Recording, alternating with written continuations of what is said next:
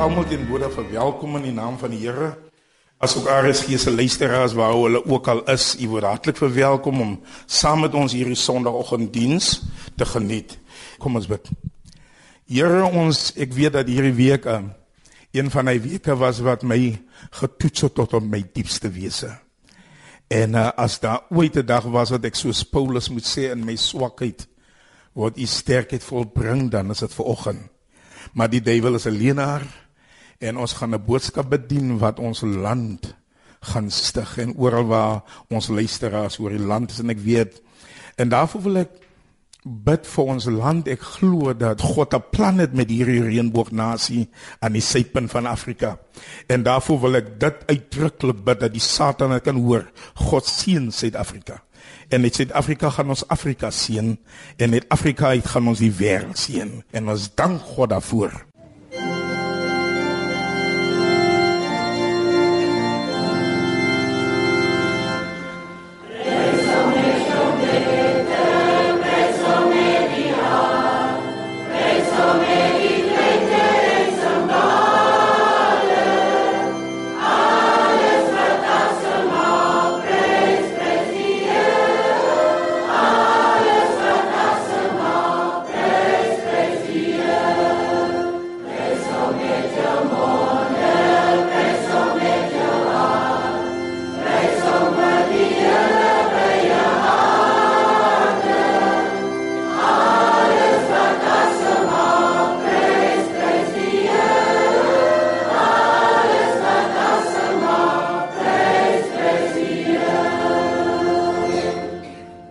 Maak ons Bybels oop gelowiges as u Bybels het.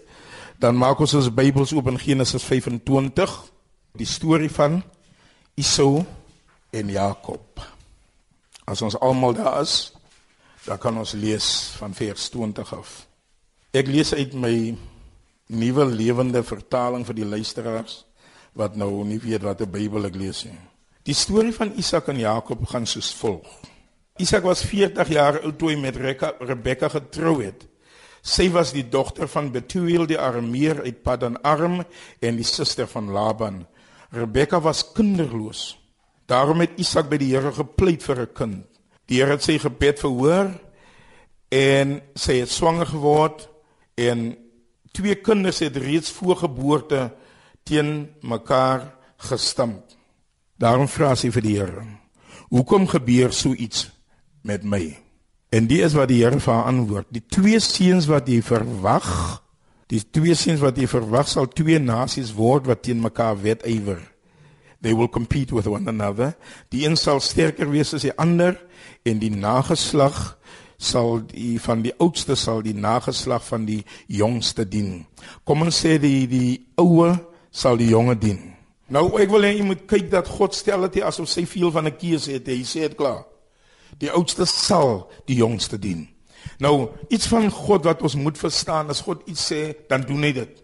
Daar's nie 'n manier onder die son wat ons dit kan stop nie.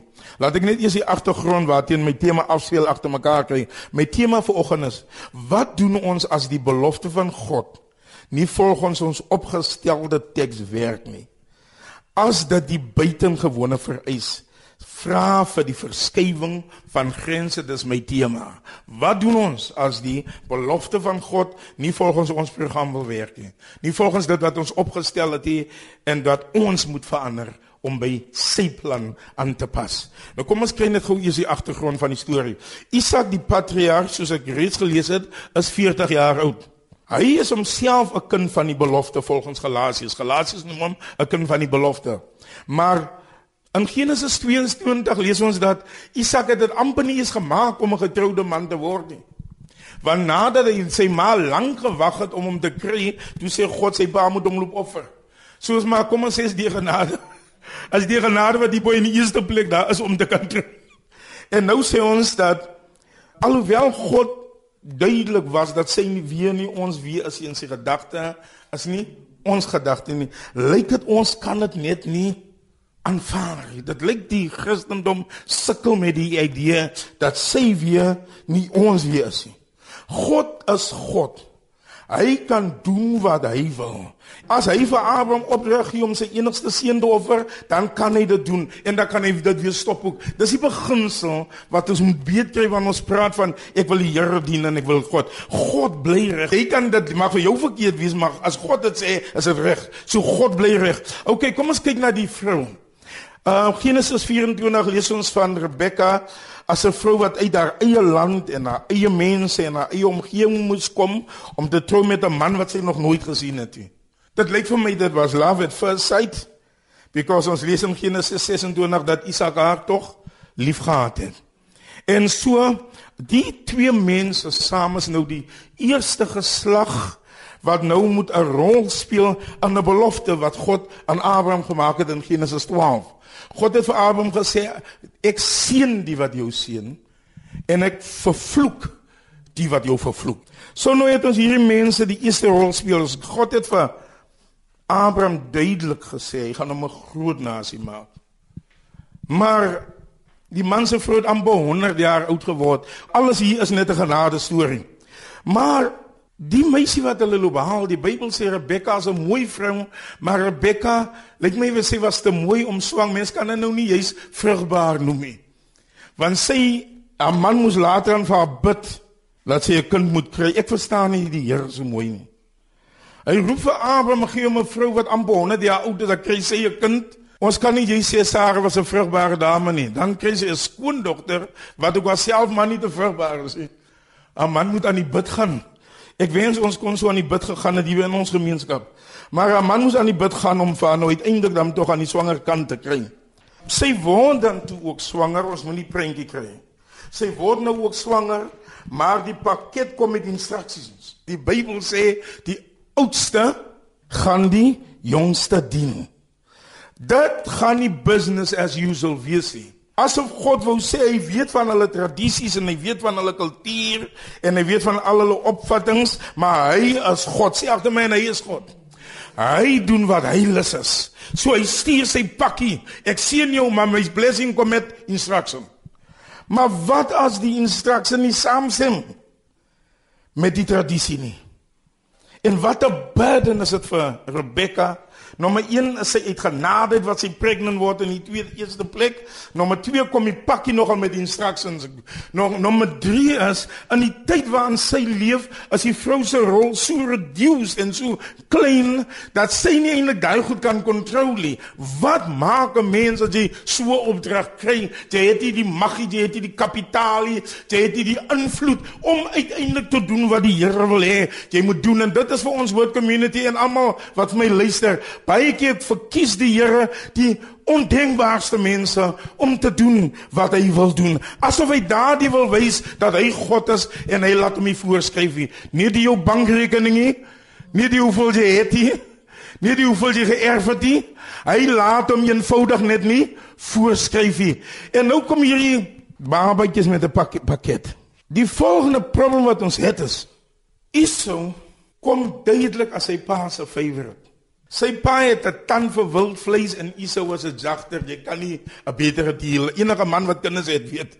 As die oudste seun, ek is mos fortunate dat my oudste seun het volgens die pakket gekom. Is hy saam met my? Hy die man is 'n jagter en sy pa hou van vleis. So dat maak Rebekka se storie nog swaarder want as Jakob 'n jagter was, het sy 'n betere kans miskien gestaan om die besigheid te swai. So die saakie is nie so lekker nie.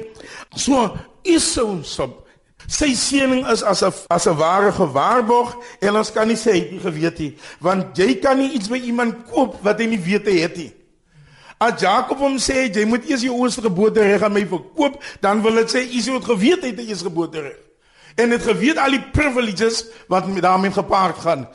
Jakob het geweet Esau het dit, jy kan nie iets koop wat jy nie weet bestaan nie. Jy kan nie na die winkel toe gaan en sê ek soek 'n kook as die winkel die kook verkoop nie.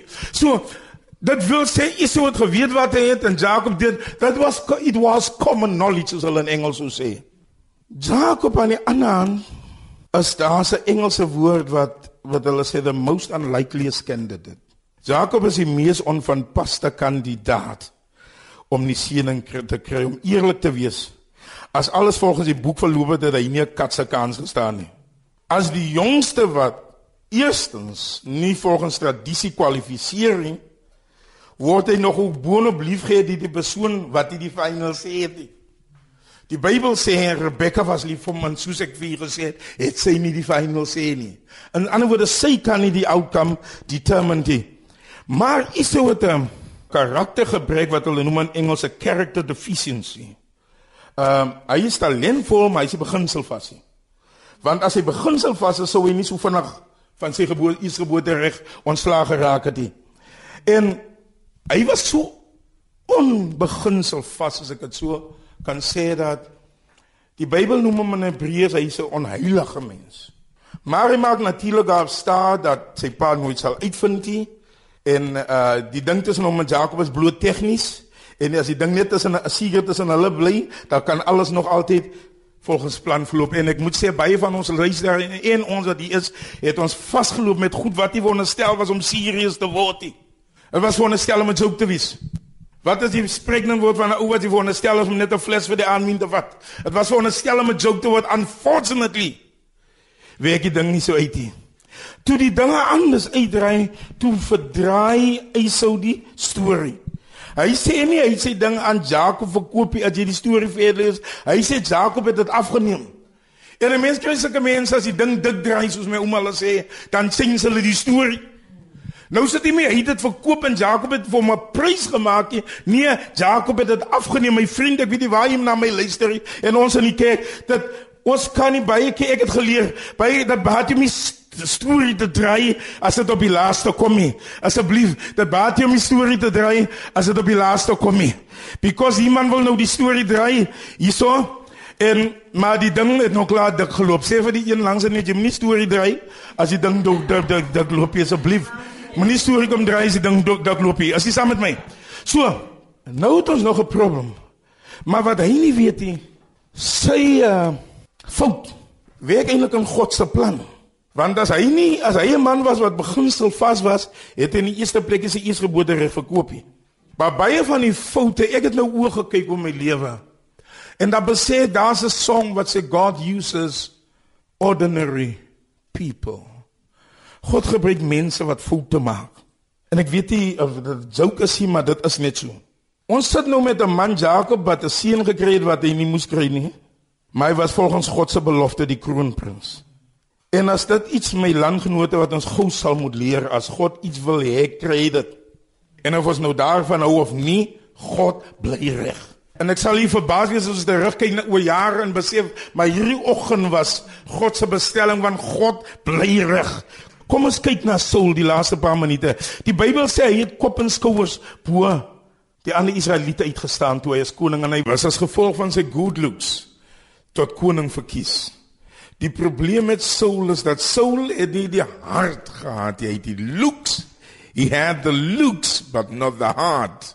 En as 'n mens in sy tragiese koningskap ingaan, dan gaan jy van een sien jy hoe 'n swak leier strompel van een krisis tot 'n ander krisis. Hy het eenvoudig net nie gehad wat God soek nie. Maar Dawid, sy suksesse, sy opvolger was so Dawid, jy kan sien hy word eerstig wat in die familie nie. Hy is eers daar nie want niemand in sy familie verwag. Hy sal die koning word. Nie. En ek weet nie waar jy na my luister, maar miskien verwag niemand in die familie dat u gaan die suksesstorie wees nie. Miskien verwag niemand in die vriendekring dat u die suksesstorie gaan wees nie, maar God vat dit wat niks is om dit wat iets is te beskaam. Nou as ek jou aldag verseker of dit 'n inherente beslisheid van God se wil is nie. Maar God het die kat uit die bos gelos vir Samuel toe al Dawid se broers aantree en Samuel weet nie, daar's iemand missing nie. Toe sê uh, Samuel, hy sê vir Samuel se pa, die Here neem nie besluite soos mense nie. Dis in 1 Samuel 16. Hy sê die Here neem nie 16 vers 7, die Here neem nie besluite soos mense nie. Mense oordeel volgens uiterlike voorkoms, maar die Here kyk na gedagtes en bedoelings. Nou het ons hierdie probleem dat As ons kyk uh wat my tema is, wat gaan ons doen as God se wil nie volgens ons program wil werk en hoe ons dinge evalueer nie, dan besef ons dat as ons kyk na Dawid, Dawid se opleiding as 'n mens so mag stel, het sonder sy familie se medewete plaasgevind. Sy familie lyk nie hulle het geweet van die leeu wat hy verslaan het en die beer wat hy verslaan het nie. En toe hy nou vir Goliat moet met Goliat moet loop beklei en sy broers vra bietjie na sy CV. Saul vra wat is jou CV? Toe sê hy vir Saul Ek pas my pa se skape op as 'n leeu of 'n beer kom om 'n lam uit die trop weg te dra, sit ek hom agterna. Ek val hom dadelik aan en so gaan hy aan. Nou, daar's 'n paar goed wat mense wat ons op die oog af valueer, nie weet nie. Hulle weet nie wat die Here in die geheim besig is om in jou lewe reg te kry nie. Hulle weet jy wat die Here wat die Here in die geheim besig is om jou mee toe te rusie. En ek dink dit is wat in Suid-Afrika op die oomblik plaasgevind plaasvind.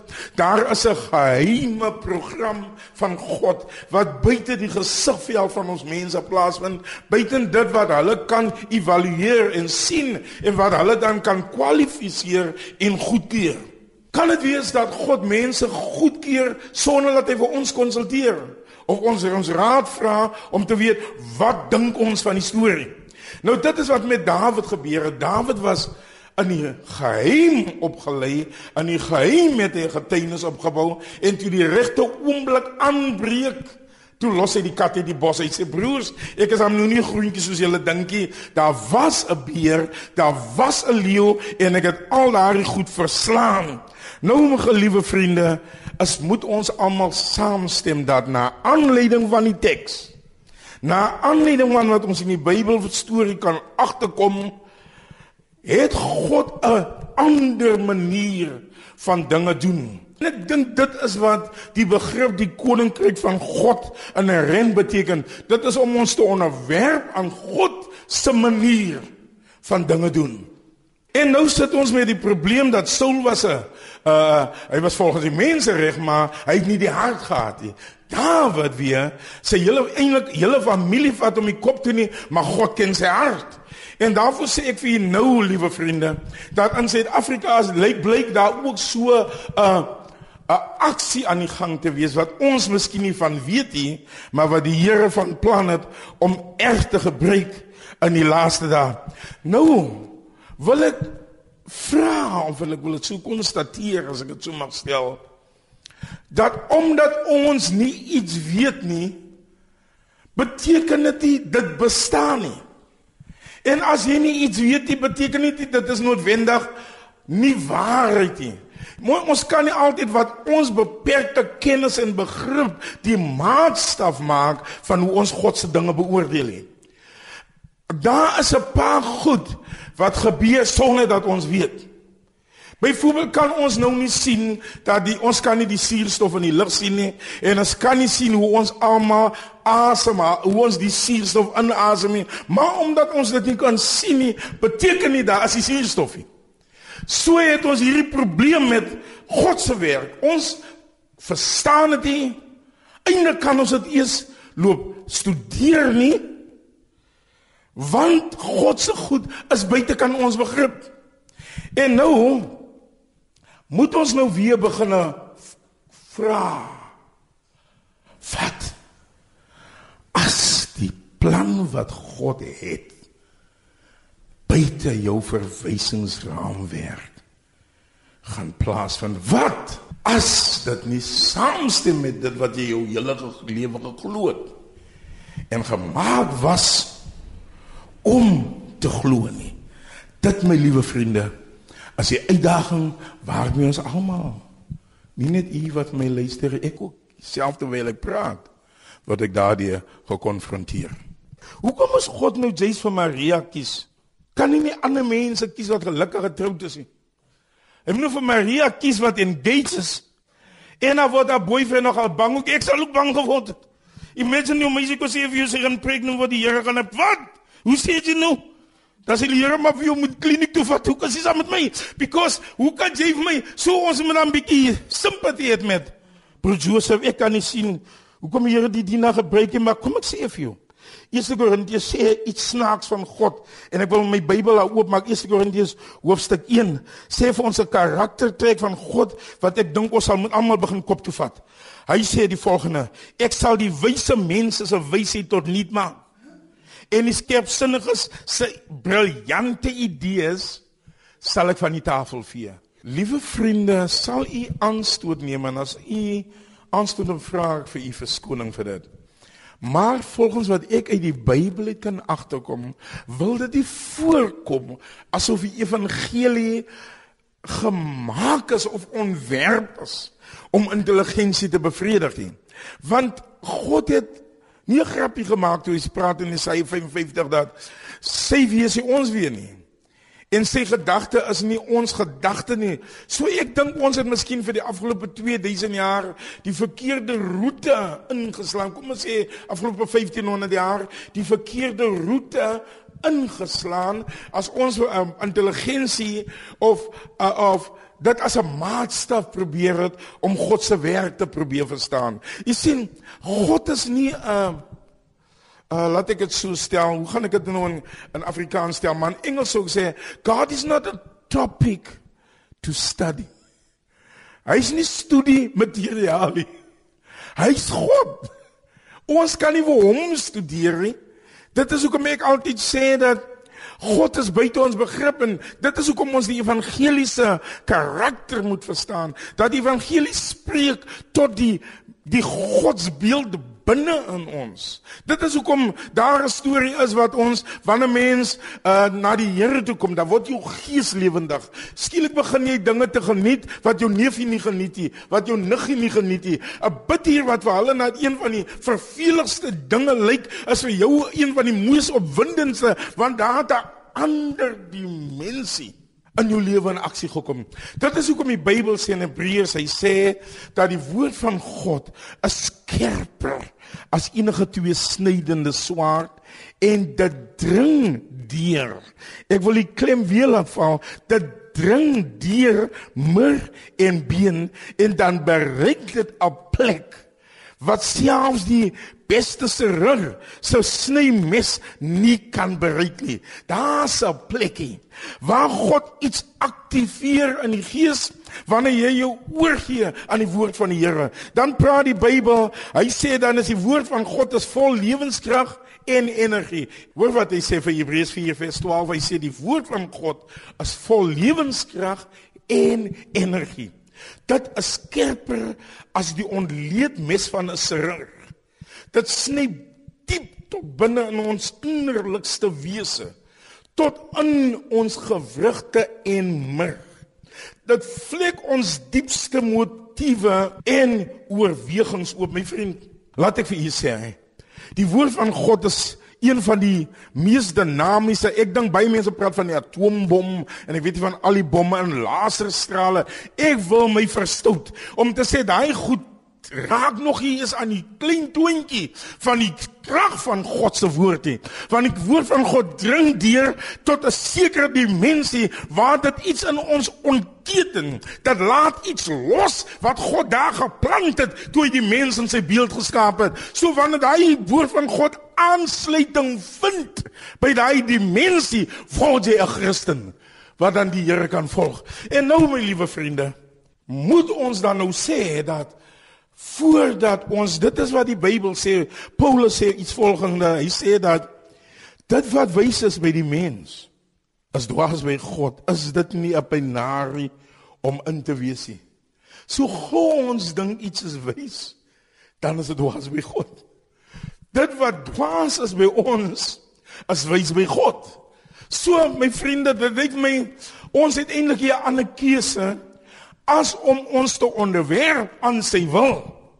En dan het ons die Bybel wat die ver, wat die kom ons sê die verklaarde wil van God of dit wat die skrywers van die Bybel kon naspier wat hulle dink die wil van God kan wees sover God hom openbaar het in die geskiedenis. Maar dan staan ons liewe vriende in 2014 voor 'n punt in die geskiedenis wat ons ons moet vra wat as die wil van God en dit is wat so tragies is Omtrent die Fariseërs en en en Sadduseërs en skrifgeleerde, hierdie was goeie mense. Maar wat hulle nie geweet het nie, omtrent 'n uh, 700 800 jaar voor daai het God al anders begin kyk. Hy het al anders begin kyk na die godsdienstige praktyke wat hy self vir Moses opdrag gegee het om vir die Israeliete te bring. Die feeste, die dienste, Kom ons sê wat ons sal deesdae maak, die destyds was dit die tempel, die tempelaanbidding, die feeste, die die die die die uniforms van die uh, priesters en die leviete en die rituele en al die het julle geweet in Jesaja hoofstuk 1. Toe lyk dit vir my tot God al kom ons sê sy gesindheid teenoor dit verander want hy dat dit duidelik begin word dat die saak nie die wil van God tot stand gaan bring nie. En in Jesaja 1 praat die Here as volg. Hy sê: Luister na die Here Jesaja 1:10. Luister na die Here, julle regerders van Sodom. Is dit nie tragies nie? Die Bybel sê in Jesaja 1:1, hierdie is die visioene wat Jesaja seun van Amos oor Juda en Jerusalem gesien het. Maar wanneer die profeet praat dan verwys God na Juda en Jerusalem hoor hy as Sodom en Gomora in hoofstuk 10. Hy sê luister na die Here se hele regering van Sodom en Gomora. Nou hoe het die situasie dan verander dat wat God eers op 'n tyd gesê het, Juda en Jerusalem, dat Dawid het gesê ons moet bid vir die vrede van Jerusalem, maar die profeet 'n paar honderd jaar later verwys na Jerusalem. Hy sê Sodom en Gomora. En dan gaan God verder. Hy sê ek is siek van julle offers. Hy sê moenie nog meer brandoffers vir my bring nie vriende. Die is dinge wat God self ingestel het. Ek wil iets oopvlek op radio vir ons almal se besel in hierdie land. Hy sê ek is siek van julle offers. Moenie nog meer brandoffers vir my bring nie. Die vet van julle ramme of ander diere wil ek nie hê nie. Ek kry geen genot in die bloed van julle bokke en ramme en bloed van julle bulle en ramme en bokke nie Hoekom hou julle aan om my voorhoewe te vertrap, my vriende? As God verwys na hulle godsdienstige, hulle godsdienstige getrouheid. God verwys skielik na dit nou as die vertrapping van sy voorhoewe. Ek hoop julle kan almal saam met my sien 'n gesind iets verandering teenoor hierdie goed, omdat die goed bring nie wat hy wil hê nie. In ander woorde, ek dink daar is iets inherent in ons as mens wat ons dit vat wat die Here bring, dan gee ons dit ons eie vlewe soos die Engelsman sê, en dit is hy vlewe wat so aanstootlik begin word, want nou begin dit nie te produseer dit wat God soekie. Nou sê hy hierso, hy praat van julle vertrap my voorhoewe met julle waardelose offers. Die vuur wat julle bring stink in my neus. Julle feesvierings op nuwe maanfees en sabbate, julle spesiale vasdae, ook julle vroomste byeenkomste is sondig en vals. daarmee wil ek niks te doen nie, liewe vriende. Ons is in 'n panarie. Dit is in die ou verbond met Israel. Die saak het van kwaad tot erger gegaan teen die tyd wat Jesus op die toneel kom. Toe is Jesus en die godsdienstige elite myle uitmekaar uit. Die godsdienstige elite beweer ook dat hulle die wil van God wil doen. Jesus kom om die wil, hy was die wil van God lewendig in aksie. Hoor net wat sê Jesus in Matteus 23. Hy praat van die julle gaan oor land en see om een bekeerling te werf. Dis nou vir die fariseërs. Die die godsdienstige voorgangers. Hy sê en dan maak julle van hom iemand wat op pad is ja toe twee maal erger as julle self as dit die tragiese vriende. Dis goeie mense wat ons van praat. Die Bybel sê die mense hulle hulle soem van hulle klere mooi gemaak. Hulle het alles reg aangetrek. Hulle die regte sê goed raad vir die regte geleenthede. Tog sê die Here dat hulle bekeerlinge, hulle bekeerling word dubbel 'n kind 'n helproduk as hulle wat die kinders voorbring. Vriende, ek wil iets los in ons land. En ek wil hê ons moet ernstig besin dat Jesus was duidelik oor wat is die maatstawwe wat hy aanvaarbaar en van ek is verbaas wanneer ek kyk waaroor gelowiges met mekaar beklei. Dan because as ek aan die Bybel kyk Dan sien ek die beheer sê vir hulle, ek was honger en julle het my niks gegee om te eet nie. Dit is nou sy kriteria by oordeelsdag. Ek was dors en jy my niks drink gegee nie. My broer, ek het 'n broer, jonge broer wat sê dat die mense wat dan nooit eintlik ingaan is verbaas. Hoe het hulle dan ingekom? Dan vra hulle vir die Here, "Maar wanneer was u honger? En wanneer was u dors?" Kom ons kyk na Jesus se bediening. Paulus skryf dat hy gekom het in die volheid van tyd.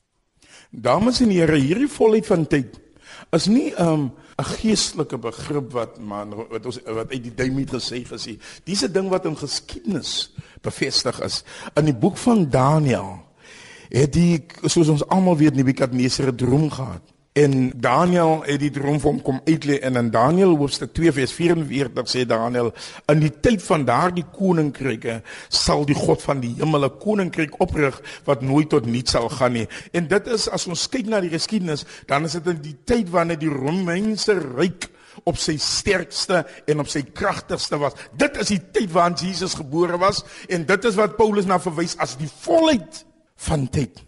Liewe vriende, een van die grootste tragedies is dat baie mense die evangelie so uh half spiritualiseer dat dit beter half wat lyk asof ons niks met die vloei van geskiedenis te doen het nie. Die volheid van tyd was in die Romeinse ryk toe wat weet Daniël gesê aan daai tyd gaan God 'n koninkryk oprig wat nooit gaan tot niet gaan nie. Hy gaan al die ander koninkryke vernietig. Ek wil vir u self sê dat hierdie kerk is deel van iets wat nie kan gestop word nie. Die kerk kan nie gestop word nie. Rusland het hulle beste probeer. Ateïsme het hulle beste probeer, maar die wil van God kan nie gestop word nie. Nou aan hierdie volheid van tyd sê die Bybel, het Jesus gekom. Maar toe Jesus kom, toe is daar klaar 'n godsdienstige stelsel. Daar's fariseërs, sadduseërs, skrifgeleerdes, hoëpriesters. Kom ons sê die hele hiërargie van kerk, dit was klaar daar. Maar nie een van daai mense was geskik om in God se kerngroep te dien nie. As terrible en ek hoop dit gebeur weer dat wanneer God uiteindelik sy move doen, wanneer God uiteindelik sy beweging doen, dan is geen van die expected candidates dat God weer eens op die beach moet mense loop soek. Onder die brug mense moet loop soek. Dat God die wat niks is gaan moet weer gebruik en ek het die snaakse idee dat dit miskien op God se agenda is. Nou vriende, kom ons uh, kyk na onsself en miskien moet ons kyk ons is omtrent so 2000 ietsie jaar verder plus minus toe hierdie vers geskryf was, die volheid van tyd. En ons is nou so 2000 en ietsie verder wat ek nou hierdie boodskap vir oggend bring en uh, na die kerk nou in aksie gekom het. Maar ewe hier is my vraag en my uitdaging aan ons almal.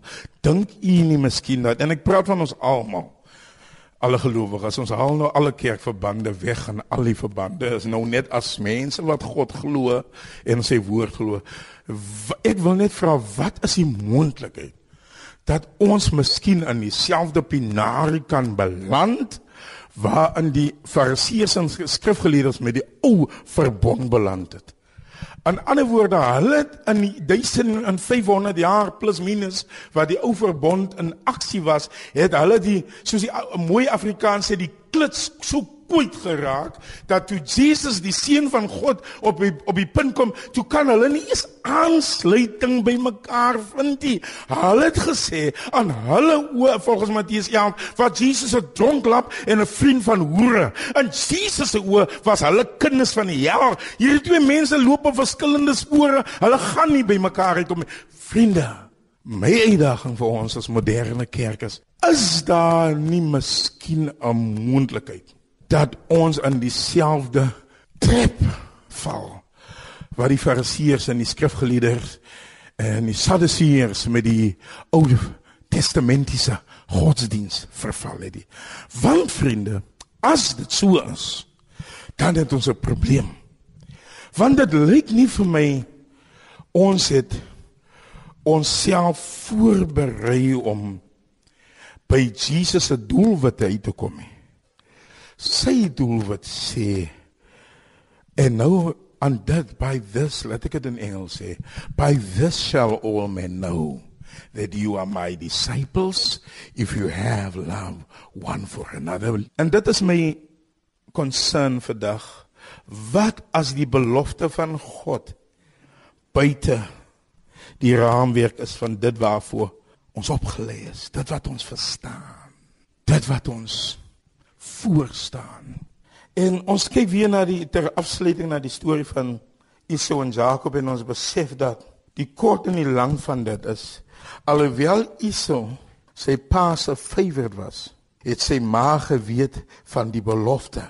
En ek praat met gelowiges in Suid-Afrika wat weet van God se belofte wat weet wat God gesê het hy wil doen in die land. Ons nie te klomp gelowiges met 'n Rebekka gesindheid. Ons nie te klomp gelowiges wat God se belofte belangrik genoeg ag om met hulle tradisionele rolle uit te breek. Ons ben nie gelowiges met 'n Rebekka gesindheid. En dit is wat ons nou in Suid-Afrika nie want dit lyk nie ons gewone manier gaan die ding bring nie. Dit is hoekom ons vanoggend as 'n gemeente en ek kyk uit om op Gordons Bay Beach te wees. Ek kyk baie uit om te sien hoe dat ontwikkel as ons die Beach Encounter program so begin develop. God kan die dronkste man wat nou luister by Lak. Hy het 'n radio met 'n preekie. Hy luister by Lak daar by Ikar waar hy nou luister. God kan daai bergie vat dan kan God hom oprig in binne 'n jaar kan hy die land skud deur daai bergie. En so ek wil as 'n prediker van die evangelie weer eens op radio en op land laat hulle hoor ek sit alles op die altaar soos die lied sê.